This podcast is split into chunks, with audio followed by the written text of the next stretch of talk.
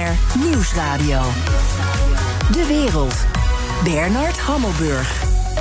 Welkom bij het beste binnenlandse programma over het buitenland. Straks, Israël maakt nieuwe vrienden in de Arabische wereld. Krijgen de Palestijnen een oorveeg en de Iraniërs een laatste waarschuwing. Daarover buitenlandcommentator Paul Bril. Maar nu eerst. Do not let them take away your power.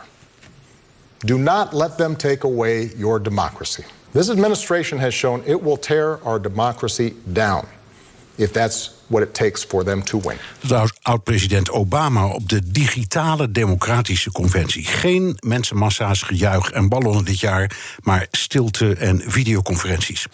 De Democraten proberen deze week kiezers enthousiast te maken voor hun kandidaat Joe Biden. Maar lukt dat ook? Ik praat erover met Koen Petersen, Amerikanist en schrijver van de boeken Einddoel Witte Huis, Showtime en het fonkelnieuwe boek over Trump in de aanval. Dag Koen, welkom. Ja, goeiedag. Je, je, bracht volgens mij het eerste exemplaar nu mee, hè? Hij is nog nat. Hij is nog nat, ja. Nou, dank. We gaan er straks uitvoerig uh, over praten. Maar uiteraard gaan we eerst even praten over die democratische conventie. Die loopt nog. Zonder ballonnen, zonder publiek. Wat viel jou nou op de afgelopen dagen? Ja, de conventie is een vrij statisch geheel. Terwijl normaal gesproken echt een feestje is waar mensen enthousiast over worden. Maar daar kan niemand wat aan doen. Dat gaan de Republikeinen volgende week ook uh, tegemoet zien. Als je kijkt naar de speeches die zijn gehouden, is er eigenlijk één thema dat de boventoon voert. En dat is Trump moet weg, want hij deugt niet.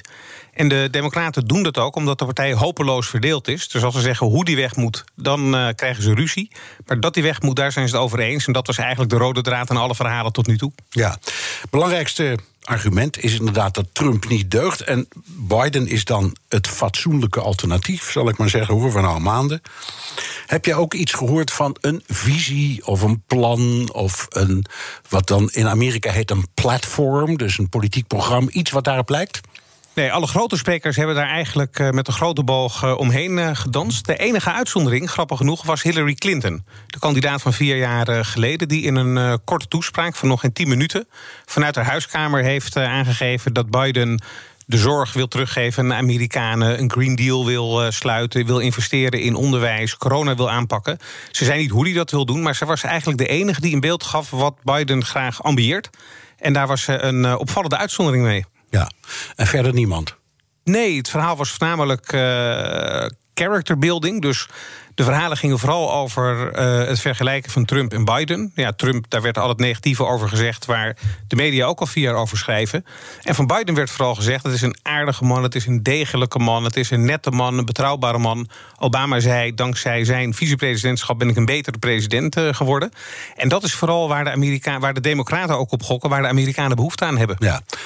Um, maar goed, geen inhoudelijke dingen. Uh, je zou kunnen zeggen dat is ook niet zo heel gebruikelijk, want dat is niet zo hè, op conventies. Ze hebben wel vaak, als het echte conventies zijn, eindeloze vergaderingen over wat dan heet dat platform. Meestal kan zo'n partijprogramma op de achterkant van een sigarendoosje, maar oké. Maar hier helemaal niks, behalve dan Hillary. Ja, tot nu toe. Maar vanavond is de grote speech van uh, Joe Biden... die zich dan uh, presenteert als uh, presidentskandidaat... en formeel zijn kandidatuur waar hij al 30 jaar naar streeft aanvaardt. Dus echt verrassend zal het antwoord op die vraag uh, niet zijn. Maar hij zal wel moeten laten zien wat hij nu wil als president. Want alleen maar Trump afvallen, dat is voor hem onvoldoende. En dat zet hem ook een beetje voor een dilemma. Want de Democraten zijn een hopeloos verdeelde partij. Je hebt die hele uh, gematigde vleugel waar Biden een uh, symbool van is... en een hele progressieve, activistische vleugel waar Sanders uh, symbool van is. En Biden zal moeten kiezen of hij um, voorstellen gaat doen die gematigd zijn... waarmee die gematigde kiezers ook kan aanspreken... maar waar de Sanders-achterban compleet van gaat stijgen. Of dat hij heel erg links gaat doen om die Sanders-achterban tevreden te stellen... maar dan gaan de gematigde kiezers weg... Of hij kan uh, daar helemaal niks over zeggen en alleen maar roepen wat zijn andere sprekers ook hebben gedaan, dat Trump niet deugt. Maar dat zal Trump dan de gelegenheid geven om te vertellen wat Biden allemaal voor verschrikkelijke dingen wil doen. En er wordt eigenlijk het profiel van Biden door Trump bepaald. En dat zijn een beetje de dilemma's waar Biden voor staat. En iedereen kijkt met uh, enorme nieuwsgierigheid naar hoe hij zich aan deze knoop gaat uh, losmaken. Ja, ook fantastisch dat Trump een toespraak houdt in um, het geboortestadje van um, Biden op de dag dat Biden zijn uh, aanvaardingsspeech houdt. Dat is volgens mij ongehoord, want traditioneel houdt de ene partij zijn mond als de andere partij zijn conventie heeft.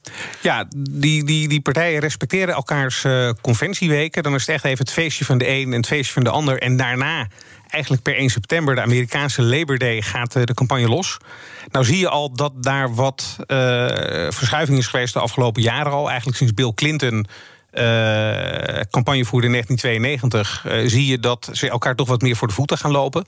Maar Trump, die ook in hoofdletters de hele tijd tweets stuurt tijdens de speeches die tijdens de Democratische Conventie worden gehouden. Dat hebben we nog is wel gezien, uh, ongehoord. En het zet wel weer een nieuwe norm neer, helaas. Ja. Voor hoe in de Amerikaanse politiek de partijen met elkaar omgaan. Ja, je zei het al, um, die Democraten moeten proberen om de verschillende vleugels bij elkaar te houden of brengen. Dat is altijd een probleem, volgens mij. Um, bij uh, partijen, ook bij de Republikeinen, want die hebben ook de Tea Party en de wat meer gematigde vleugels, altijd een beetje een kunstje. Uh, wat ook opviel, was dat een aantal sprekers kwam van de tegenpartij. Dus uh, de voormalige tegenkandidaat van Trump in zijn campagne destijds, John Kasich, Colin Powell, zagen we, dat deed hij ook al in 2008 voor Obama. Um, zeg je nou dat is heel slim of heel goed of handig? Of geef je dan Trump een schot voor open doel? Want dan kan hij zeggen: kijk, hier zie je dus de mensen die niet deugen, ik noem maar wat. Ja, je ziet wel dat mensen die een beetje in hun partij klaar zijn, uh, nog wel in de verleiding kunnen komen om bij de andere partij een verhaal uh, te houden. Joe Lieberman bijvoorbeeld, die was de kandidaat vicepresident in 2004. En die, uh, of in 2000 en in 2004 hield hij een speech bij de Republikeinse, of 2008 hield hij een speech bij de Republikeinse conventie. Ja, maar die was officieel onafhankelijk, hè? dan kan wat makkelijk. Hij was onafhankelijk omdat hij bij de voorverkiezingen door zijn eigen partij in de steek was gelaten. Dus dat onafhankelijke was vrij uh, opportunistisch uh, ingestoken. Dus het is niet ongebruikelijk. het is vaker gebeurd, maar in de polarisatie van nu speelt dat een nog grotere rol. Maar de partij waar die mensen vandaan komen, kan zeggen, ja, het zijn losers, uh, laat ze dan maar lekker uh, bij de andere partij uh, rommelschoppen. En dat maakt het ook in dit geval voor de, voor de Democraten niet makkelijker. Want Kasich heeft bijvoorbeeld gezegd, ik ken Joe Biden al heel lang... en het is een hele redelijke, gematigde man, die gaat allemaal gekke dingen doen. En vijf minuten later was Bernie Sanders de spreker... en die zei, stem allemaal op Biden, want hij is zo links geworden, net als ik... dat ook de meest linkse supporters bij hem terecht kunnen. Dus die verhalen stonden ook met elkaar op gespannen voet. Dus het het, het, is ook wel een risico als je dit soort sprekers kort achter elkaar in beeld uh, gaat brengen. Nou is de hele bedoeling, behalve dan de officiële kant van het, het, het formaal, formeel aanwijzen van een kandidaat, om het, het volk via de media, televisieuitzendingen, ga zo maar door, ertoe te bewegen om van partij te wisselen. Of om wijfelaars, twijfelaars, noem zo maar op, om die aan je te binden. Ze weten dat de vaste Trump-kiezer krijg je niet. Maar er is een hele grote groep die het nog niet precies weet. Heeft, dat, heeft deze conventie wat dat betreft zijn doel bereikt, denk je? Ik denk het eerlijk gezegd niet. Die groep wordt overigens steeds uh, kleiner. Uh, 10, 20 jaar geleden was 20% van de Amerikaanse kiezers zwevend. Uh, nu is dat nog maar 10% bij deze verkiezingen. Dus de pool waaruit te vissen is, uh, is niet veel groter. En um, de pitches die worden gemaakt, die zijn eigenlijk niet heel erg nieuw ten opzichte van wat mensen eigenlijk al weten. Trump heeft natuurlijk heel gek gedrag vertoond, maar daar is er zoveel over geschreven dat om dat nog een keer te vertellen, dat gaat de naald niet uh, bewegen. En ik heb eigenlijk geen echte argumenten gehoord, anders dan de bekende verhalen, waarom Amerikanen toch nog eens een keer zich achter de oren moeten krabben voordat ze gaan stemmen. Dus ik verwacht daar eerlijk gezegd heel weinig effect van. Ja, nou goed, er is, de oproep was ook van heel veel van de sprekers hier: ga stemmen. Gewoon überhaupt om mensen die, die heel vaak niet gaan stemmen, zover te krijgen dat ze wel gaan stemmen. Want als dat gebeurt, zijn het doorgaans mensen die sneller neigen naar de Democratische dan de Republikeinse Partij. Was het vanuit dat perspectief een goed offensief? Ja, ik weet niet of dat de, de, de truc echt heeft gedaan. En de opkomst is inderdaad enorm belangrijk. Als je naar peilingen kijkt, hebben Democraten een uh, ruime voorsprong op Republikeinen. Maar Republikeinen komen toch vaak wat massaler naar de stembus. Dus dat heft dat verschil vaak, uh, vaak op. En wat je uh, ziet bij de Democraten, en dat is een groot probleem voor Biden, is dat twee derde van de Democratische kiezers zegt dat ze gaan stemmen omdat ze Trump weg willen hebben. Ja. En maar een derde van de Democraten zegt dat ze gaan stemmen omdat ze Biden in omdat ze geloven in het democratisch ideaal. Dus, ja. dus met slecht weer gaat die een derde groep hoe dan ook naar de stembus. En die twee derde groep die blijft wellicht thuis. En de uitdaging voor deze conventie was ook om de democratische kiezers te veranderen van anti-Trump-stemmers naar pro-Biden-stemmers. En omdat eigenlijk nog niet is verteld wat Biden nu precies wil, denk ik dat ze daar nog niet in geslaagd zijn. En daar ligt nu echt een hele belangrijke opdracht voor Biden om die case zelf vanavond te gaan maken. Ja, er zijn twee dingen waar we naar kijken. Nu de peilingen. Uh, Biden liep een tijdje behoorlijk voor, maar dat is eigenlijk nu minder. Of Trump haalt het in. Misschien is dat beter geformuleerd. Het is natuurlijk een communicerend vat. Um, en dan heb je Alan Lichtman. Uh, die beroemde Amerikaanse historicus, uh, die 40 jaar lang al correct de uitslag heeft voorspeld. En die nu zegt: Ik heb het allemaal bekeken, berekend enzovoort. Trump gaat verliezen. Ja. Je hebt ongetwijfeld gezien. Wat dacht je toen je hem, juist hem, dit hoorde zeggen? Ja, alle argumenten die hij aangeeft waar Amerikaanse kiezers zich op uh, baseren zijn zeer valide. En het is enorm geloofwaardig dat hij de afgelopen tientallen jaren elke uitslag op basis van 13 criteria heeft uh, voorspeld. Ja, het is dus geen peiling, hè? Manier. Dat doet nee, hij niet, nee. Wat hij doet, hij heeft 13 uh, criteria en is het ja of nee. En afhankelijk van hoeveel jaatjes en neetjes geeft En er zitten hele gewone dingen bij, zoals heeft zo iemand uitgevoerd wat hij heeft beloofd, of, of dat soort dingen. Gaat het goed met de economie? Ja. zijn er crisissituaties uh, geweest. Dus je kunt het allemaal heel makkelijk inventariseren. En met een simpel model uh, laat hij dat zien. Hij geeft dus aan dat Biden gaat winnen aan de hand van zijn bewezen model. Maar gezegd moet worden, van de 13 criteria zijn er 7 tegen Trump en 6 voor. Dus um, er hoeft niet heel veel te gebeuren nee. om het toch nog te laten kantelen. Maar ja, we gaan zien of deze man als een soort octopus-paul... van de Amerikaanse verkiezingen opnieuw uh, gelijkkaart krijgen. Ja. Mijn gast is Koen Peters, Amerikanist en schrijver van het fonkelnieuwe boek over Trump in de aanval. Joe Biden is the puppet of the radical left-wing movement that seeks the complete elimination of America's borders and boundaries. Terwijl de Democraten bezig zijn met hun conventie, toert president Trump door cruciale staten zoals Arizona, Minnesota, Pennsylvania, de thuisstaat van Biden. Koen, de conventie van de ene partij legt de andere partij uh, normaal stil. Maar jij zei al, ja, dat is sinds Clinton al niet meer helemaal het geval, hè? Nee, dat klopt. In 1992 was de Democratische Conventie waar Clinton werd genomineerd eerst. En een week later was de Republikeinse Conventie van uh, president Bush, de oude Bush. Het is ook gebruik dat de partij die in het Witte Huis zit altijd als laatste de conventie heeft. Ja. En de uitdagende partij als eerste. En terwijl de Republikeinen toen hun conventie hadden, ging Clinton beginnen met een bustour door heel Amerika samen met Al Gore, zijn running mate. En dat trok ook wel aandacht weg. En dat is eigenlijk het breekpunt geweest om niet meer elkaars conventie te respecteren. Er zit natuurlijk wel een verschil tussen heel veel kabaal maken, wat Trump nu doet, of met een bustour wat uh, publiciteit uh, genereren. Maar het uh, kantelpunt is niet van nee. Trump. Okay. Het kantelpunt is van Clinton 30 jaar geleden. We kijken naar je nieuwe boek in de aanval. En daar heb je er een overzicht gegeven van allemaal dingen die Trump heeft bereikt. En los even van wat we ervan vinden. Maar ik ik lees ze even snel op. Um, de grootste belastinghervorming sinds 1996. Uh, terugdringen van de immigratie. Uh, miljarden dollars naar defensie. Conservatieve rechters benoemd. Um, afschaffen van milieuregels voor bedrijven. Betere dienstverlening voor oorlogsveteranen. Meer olie- en gaswinning. Uh, NAFTA, het, het handelsverdrag. Nieuwe uit de Iran-deal gestapt, uit de Parijs-deal gestapt, sprak met Kim Jong-un. Uh, de bondgenoten, en NAVO moet meer betalen. De verhuizing van de ambassade is, van Tel Aviv naar Israël. en tot de coronacrisis een recordlage werkloosheid. Dat zijn allemaal prachtige dingen hoor. En, maar het is niet een waardeoordeel wat je ervan vindt. Maar laten we nou eens even kijken door de ogen van Joe Sixpack in Ohio of zo. Wat kan die NAFTA of de Iran-deal of de Parijs-deal of de geldstroom met de NAVO schelen? Het heeft een aantal praktische implicaties, een aantal gevoelsimplicaties. Als je kijkt naar een nieuw handelsverdrag, uh, dat NAFTA-verdrag, wat opnieuw is onderhandeld met Canada en Mexico. Daar is bijvoorbeeld afgesproken dat de minimumlonen in Mexico naar het niveau van de minimumlonen in de Verenigde Staten worden getrokken. Zodat voor bedrijven minder aantrekkelijk is om bijvoorbeeld productie naar het buitenland te brengen. En dat heeft geholpen om bedrijven in Amerika te houden en die werkloosheid naar heel laag te brengen. Dus daar hebben heel veel gewone Amerikanen heel veel aan. Het uit het Iran-akkoord stappen is een uh, gevoelspunt ook meer uh, geweest. Het heeft buitenlands.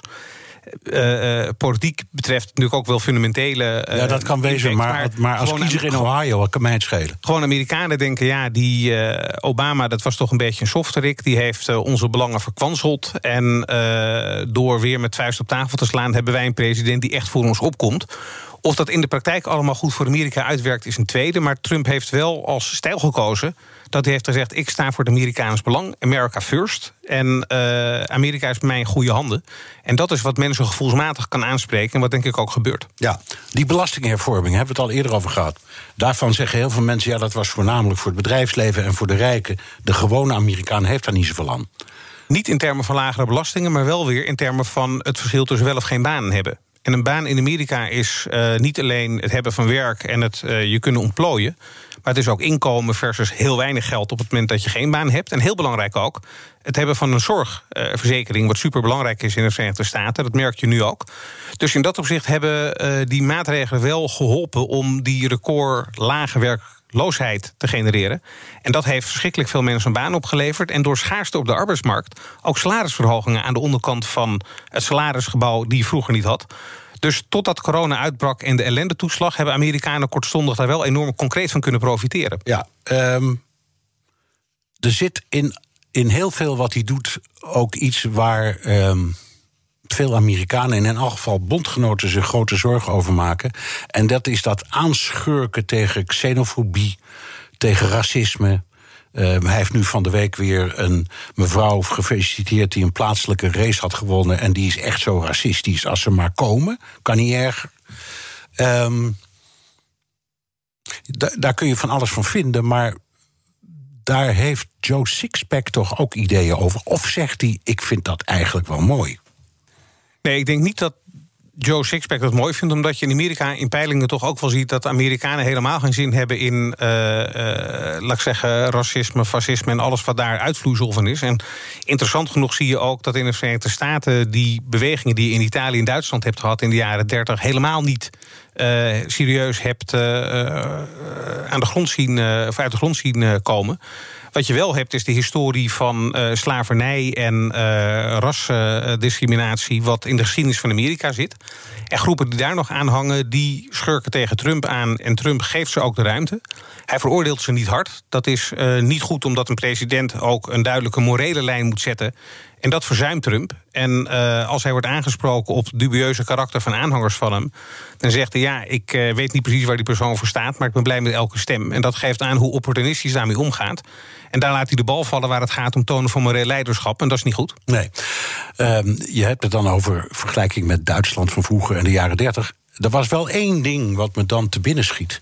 In Amerika had je een grote beweging die zich verzette tegen deelneming aan de Tweede Wereldoorlog.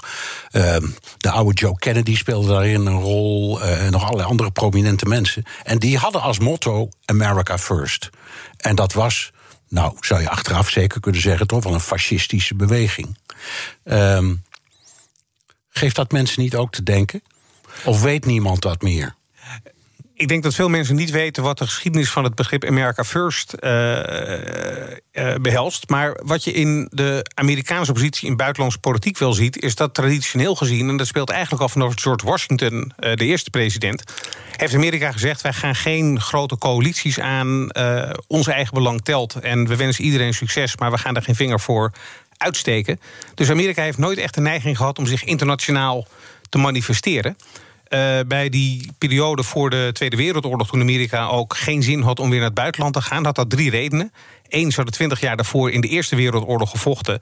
En daarna kwamen ze terug en maakten het continent er opnieuw een puinhoop van. Terwijl er ongelooflijk veel Amerikanen waren gesneuveld. Dus dat wilden ze niet herhalen. Het tweede was dat je uh, die traditionele uh, benadering van Amerika is vooral op zichzelf gericht en niet per se politieagent van de wereld. Dat dat ook een rol speelde. En de derde is dat je ook Amerikanen had die sympathiek stonden tegenover Nazi-Duitsland. En daar was de vader van John F. Kennedy een uh, voorbeeld van. John Kennedy. En, die hadden, die en hadden Henry, als, Henry Ford. Henry Ford ja. en uh, Lindbergh, en Lindbergh. De, de, luchtvaartpionier. Uh, dus er zijn verschillende redenen geweest die tot hetzelfde beleid hebben geleid. Maar niet iedereen die tegen Amerikaanse politieagentrol in de wereld is, is een fascist. Ja. En, maar het heeft wel een rol gespeeld. We moeten, kan niet anders, en je, je schrijft er in je boek ook over, nog iets anders bespreken. En dat is um, dat Trump bepaalde, ik zal maar zeggen, onnodige politieke risico's neemt door te steunen op alternatieve feiten. Wat volgens mij Trumpiaans politiek correct taal is voor leugens. Um, stemmen per post bijvoorbeeld. Nu, daar komt hij met een enorm verhaal. Nu zijn er problemen met posterijen, dat weet iedereen. Maar om a priori aan te nemen dat dat één grote fraude wordt, dat is typisch alternatieve feiten. Waarom doet hij dat? En waarom komt hij ermee weg? Ja, waarom hij het doet is mij eerlijk gezegd een raadsel. Omdat het ook helemaal niet nodig is om dat uh, te doen. Wat je in Amerika ziet bij het postbedrijf is... er werken 600.000 mensen. Het heeft 8 miljard verlies per jaar. Net als ook PostNL in Nederland is het een bedrijf... dat gewoon heel erg loopt te vechten met uh, de markt van e-mails. Zeker, maar het is nog een bestaansbedrijf uh, in Amerika. Het is een op, staf, op afstand gezet uh, staatsbedrijf. De president heeft niet meer het gezag erover sinds nee. de jaren 50... Uh, die hij voor die tijd uh, had. Maar de, het, het, is net als met de kerstdrukte. Post met een massale piek kan altijd wat vertraging hebben. Dus het postbedrijf heeft gezegd... Stuur het allemaal op tijd in. Uh, houd ook met je termijn een beetje rekening mee... dat mensen het kunnen, kunnen invullen. Maar ze willen tegelijkertijd van die 8 miljard verlies per jaar af. Dus. Postkantoren sluiten, brievenbussen weghalen... hoort daar uh, ook bij. En het is een mix van factoren. En Trump had daarop kunnen wijzen... dat dat net als met de kerstkaartendrukte... altijd een lastig verhaal is. Maar hij zegt, het leidt tot fraude. En dat is dus totaal onnodig... omdat hij ook een argument had gehad dat hout snijdt... om dezelfde concerns uh, te hebben. Ik denk dat hij toch een beetje verblind is... door het feit dat een meerderheid van democraten kiezers zegt te willen stemmen per post... en een minderheid van republikeinse kiezers. Dus dat hij misschien op die manier nog onrust probeert te zaaien... en probeert uh, stemmen buiten beschouwing uh, te laten. Ja, het is niet goed en nogmaals, het is ook niet nodig... want er zijn hele andere argumenten om wel heel kritisch te kijken... naar kan de post het aan. Ja, nog één vraag. we hebben er nog heel veel, maar daar komen we niet meer aan toe. Maar één, je maakt vergelijkingen met andere presidenten. Op wie lijkt Trump het meest als je naar het verleden kijkt? In mijn ogen lijkt uh, Trump het meest op Lyndon Johnson. En uh, dat heeft eigenlijk uh, twee, twee redenen.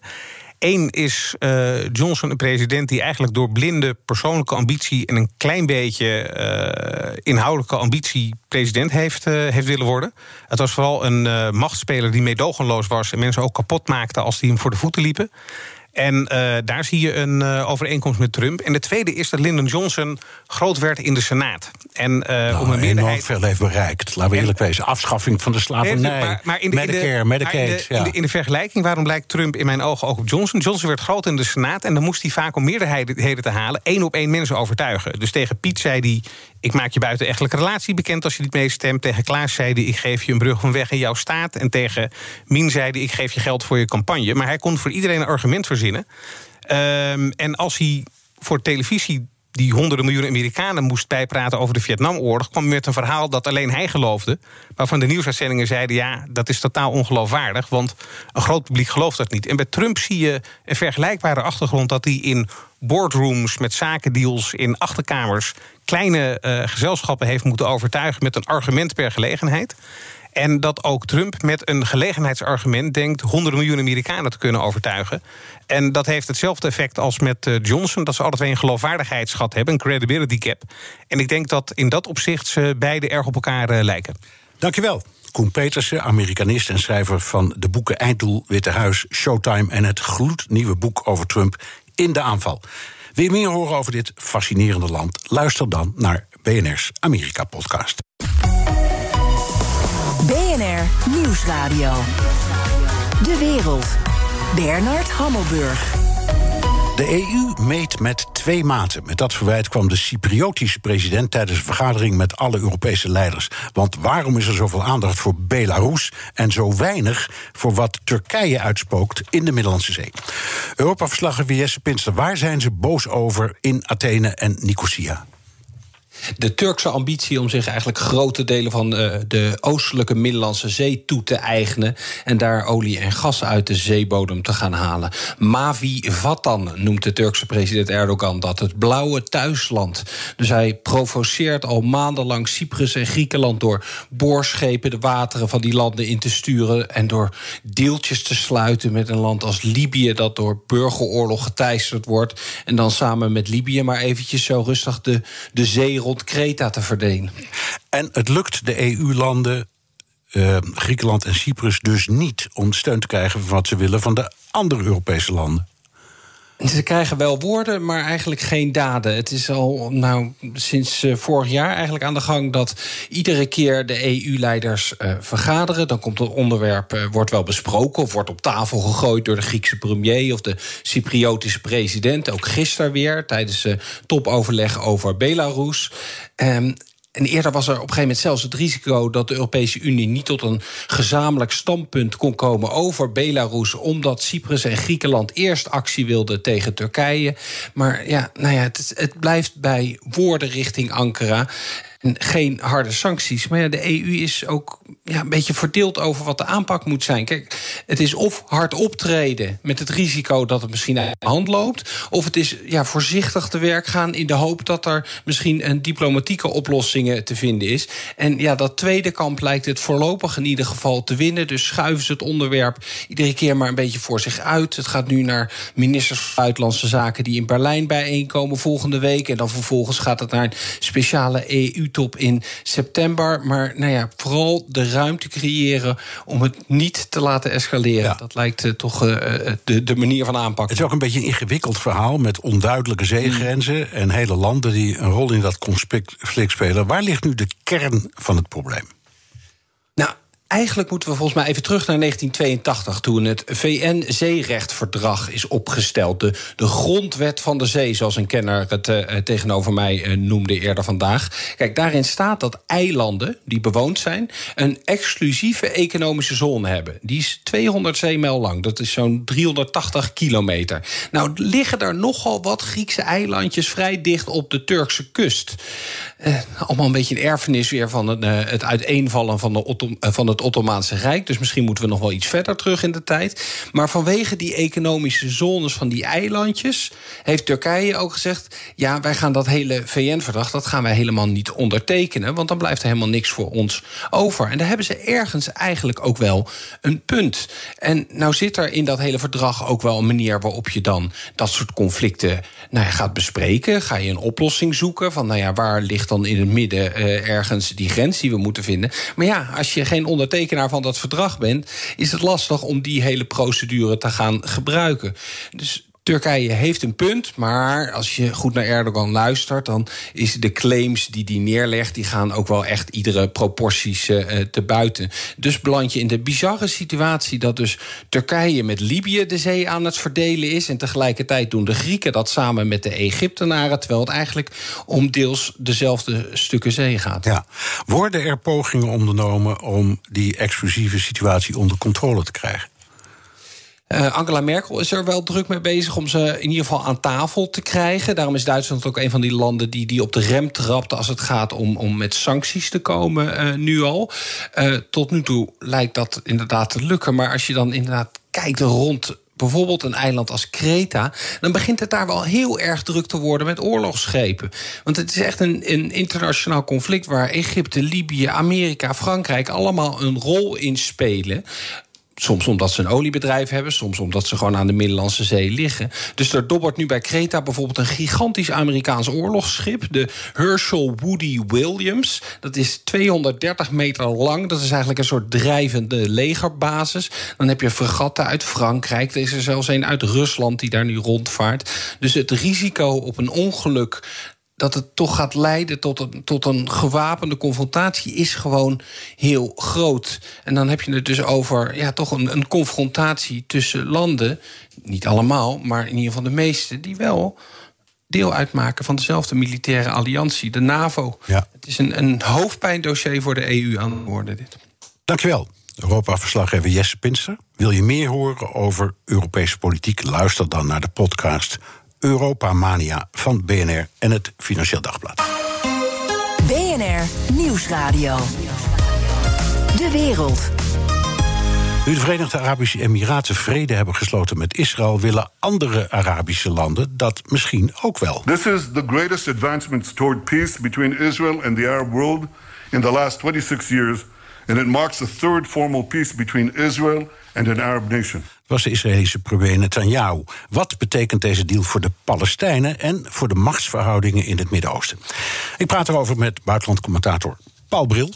Dag Paul. Dag Bernard. Fijn dat je bent. Um, in 2002 kwam uh, Saudi-Arabië met een plan uh, in de Arabische Liga. Dat is ook is ook aangenomen. Dat kwam eigenlijk heel simpelweg hierop neer. Uh, Israël trekt zich terug tot de grenzen van 1967. Er komt een Palestijnse staat. In ruil daarvoor erkennen alle Arabische landen Israël. Uh, dat is nu overboord. Want ik, ik hoor nergens meer Palestina of Palestijnen. Nee, dus deze overeenkomst met de Verenigde Arabische Emiraten breekt met die, uh, nou ja, die belangrijke resolutie destijds in 2002, hè, het Saoedische vredesplan. Uh, want er wordt al een overeenkomst met Israël gesloten zonder dat Israël zich heeft teruggetrokken uit de bezette gebieden. Uh, het enige uh, waartoe uh, Israël bereid is geweest. in ruil voor hè, nou ja, veel een opwaardering van de, van de betrekkingen. is het bevriezen van, de, van, de, van het nederzettingenbeleid. Ja. Op de mijn, mijn, mijn indruk was dat dat hele dreigement met annexatie. dat dat gewoon nooit serieus is geweest. En, en je kunt het omdraaien. Ze hebben ergens mee gedreigd. Dat hebben ze ingetrokken. En in ruil daarvoor een enorme prijs binnengehaald. Dus eigenlijk met niks. Iets beloven wat je. klaar. Ja, of dat helemaal niets, niets is geweest, dat durf ik niet te zeggen. Uh, er is natuurlijk een deel van uh, de achterban van de Likud, van Netanyahu... Uh, dat wel degelijk vindt dat annexatie een, een belangrijk streven is. En dat ook verwacht dat Netanyahu zich daar sterk voor maakt. Ik denk dat Netanyahu ook wel een tijd heeft gedacht dat met Trump in het Witte Huis er eigenlijk dit ook wel mogelijk was. Ja, tot, um, tot de Amerikanen achter de schermen duidelijk gingen maken dat ze het niet zo'n goed idee vonden. Totdat de Amerikanen hebben gezegd: we, we, hebben toch ook nog andere belangen en opvattingen. En, um, nou ja, en dat het in Israël zelf natuurlijk ook gewoon een, een, een, een hele lastige politieke knoop was. Ja. Wat ik zelf wel interessant vond, dan zie je ook een beetje hoe de verhoudingen zijn. Er was uh, een paar weken geleden een, een opiniepeiling in Israël of, of de mensen de annexatie, de eventuele annexatie of een van, van de Westbank steunden. Toen zei 45% ja, 30% zei nee. Dus nou, meerderheid voor ja. Nu hebben ze opnieuw een peiling gehouden of men het ermee eens is dat die annexatie is, is uh, weg, uh, weggeschoven in, ten, ten faveur van de betrekkingen met, met de golfstaten. En nu zegt driekwart van de ondervraagden dat ze dat nog heel goed vinden. Dus laten we zeggen, de, als je dus de Israëlische op publieke opinie ziet, dan zie je dus dat de steun voor die annexatie eigenlijk maar eigenlijk heel dun is. He, dus we zijn er wel voor onder bepaalde omstandigheden. Maar als er iets anders, iets beters tegenover staat, laten ze het ook zo weer los. Ja. Dat vind ik eigenlijk wel tamelijk bemoedigend. Oké, okay, maar er zitten twee kanten aan. En de ene, de ene kant. Het zegt iets over hoe de wereld nu denkt over Palestijnen. Dat zal een rol hebben gespeeld in het nieuwe oordeel in die op Israëlische opiniepeiling. En natuurlijk het feit dat het derde land in de geschiedenis, Arabische land, nu vrede sluit. Uh, Egypte, Jordanië en nu ook uh, de Emiraten. Wat is het verschil overigens tussen deze vrede en die vorige twee uh, vredesverdragen? Nou ja, ik denk dat de vredes, vredesverdragen met Egypte en Jordanië... dat waren echt historische doorbraken. Omdat het natuurlijk gaat, hier ging om vijanden... waarmee Israël daadwerkelijk oorlog heeft gevoerd. En er zijn, er zijn mensen gesneuveld aan beide zijden. Uh, dus dus, dus dat, dat, is, dat staat op een, op een uh, apart niveau, zou ik ja. maar zeggen. Uh, dat staat deze deal met de, de, Emiraten eigenlijk niet. Maar staat eigenlijk tegenover dat ehm, eigenlijk deze deal met, met de Verenigde Arabische Emiraten en mogelijk met andere golfstaten eigenlijk een, een veel grotere verdieping kan krijgen. Want ehm, de vredesverdragen met Egypte en Jordanië zijn eigenlijk toch altijd een beetje koude vredes gebleken. er, was, er was een vredesverdrag, niet aanvallen, geen oorlog meer voeren. Maar er kwamen uh, geen miljoenen toeristen over en weer. Nee. Exact. Ja. Uh, de, de, de, geen geen in, intense, intensieve handelsbetrekkingen, geen te, groots toerisme, geen warm overleg over van alles en nog wat. Dus dat, dat, dat is erg op een afstand gebleven je, je ziet aan alles dat dit met uh, de, de Emiraten en mogelijk met de andere golfstaten heel anders zal gaan lopen. Ja, ze hadden na een dag, na het bekendmaken, al telefoonverbinding gemaakt. Absoluut. Ja. En dat komt natuurlijk ook omdat er eigenlijk al betrekkingen waren. Uh, Israëlische firma's hebben handelskantoren gehad in Oman, in de Emiraten, in Bahrein. er was een mooi verhaal, geloof ik, van een verslaggever van Reuters dat hij een paar jaar geleden opbelde naar zo'n kantoor omdat hij had gehoord dat daar een Israëlische firma zat en dat iemand opnam met shalom, salam alaikum. Ja, ja, ja. ja. dus um, ja, het bouwt natuurlijk op iets voort. Ja. het was er, er zijn al vrij enige betrekkingen. Ja. Alleen het was altijd, altijd achter de schermen. En het, het, er mocht geen rugbaarheid aan worden gegeven. Nee. En nu is het open. Je zei het al, Oman, Bahrein, Qatar, daar hoor je ook geluiden opgaan. Marokko. Nou ja, ik denk Qatar als laatste, want Qatar is nogal een ideologisch Ja, dat gedreven je- landje. ook daar, ook daar hoor je wel Ja. stemmen. En zelfs in Libanon, dat was iets wat mij zeer verbaasde. Opmerking van president Aoun, dat die ook.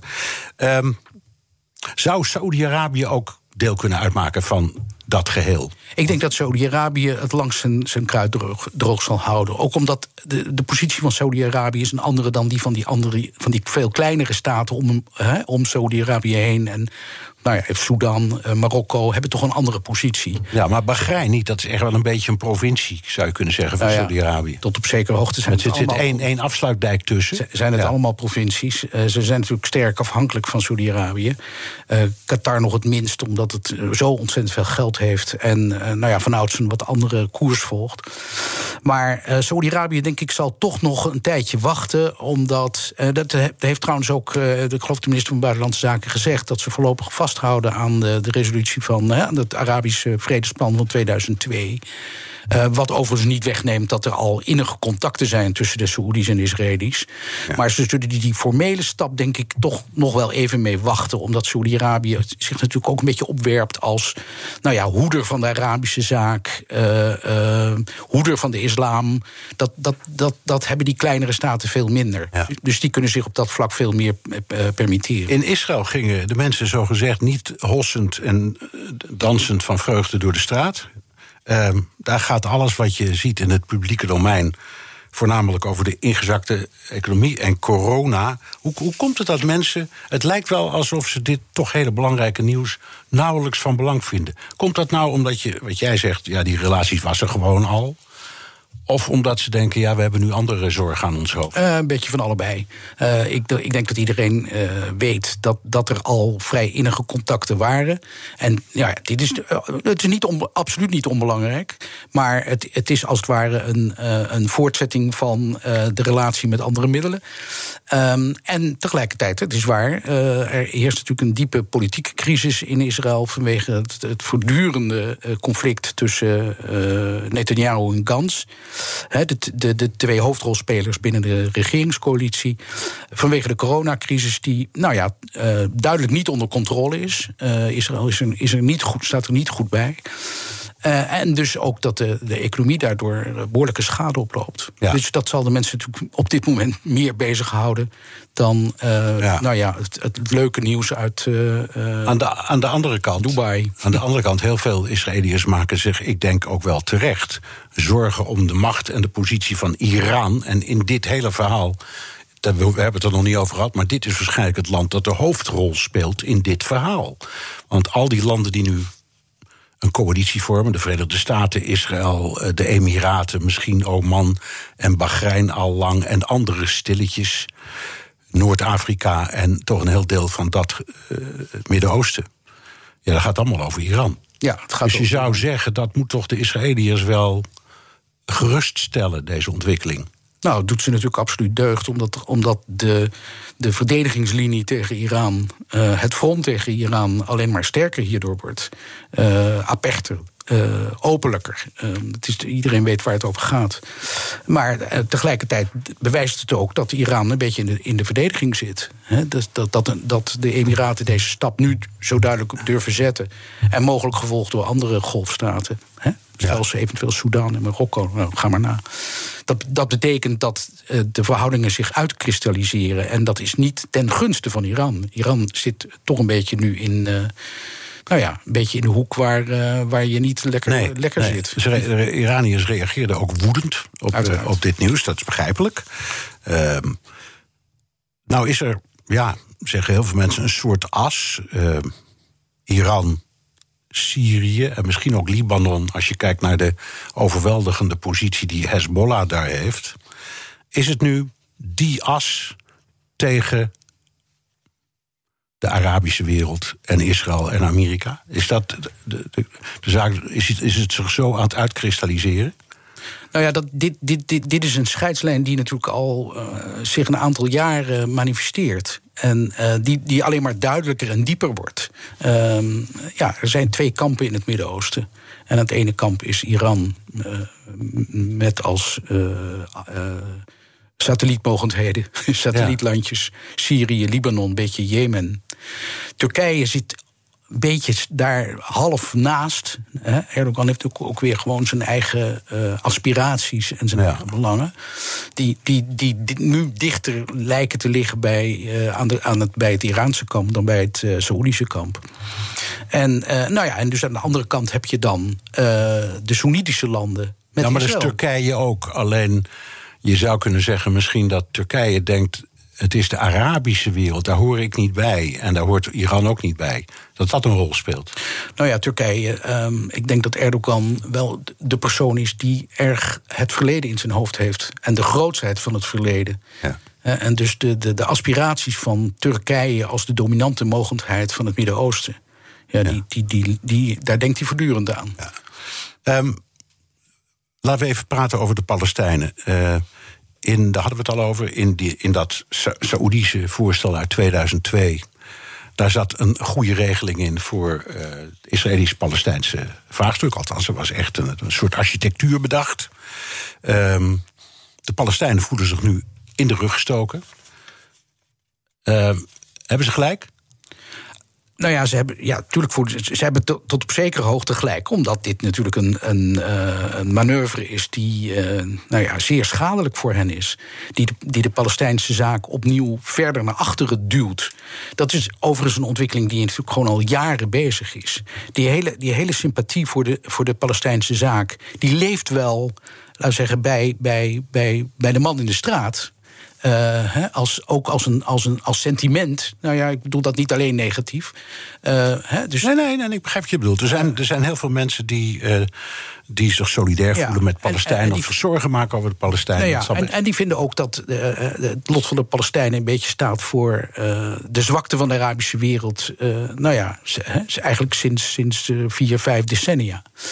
Dus, dus, dus dat is nog steeds wel een, een, een ding om rekening mee te houden. Maar au fond uh, hebben natuurlijk de meeste uh, Arabische leiders helemaal niets met de Palestijnse zaak. En zeker niet in de golfregio. Nee, daar kijken ze zeer op. Ik heb de indruk dat ze zeer op ze neerkijken.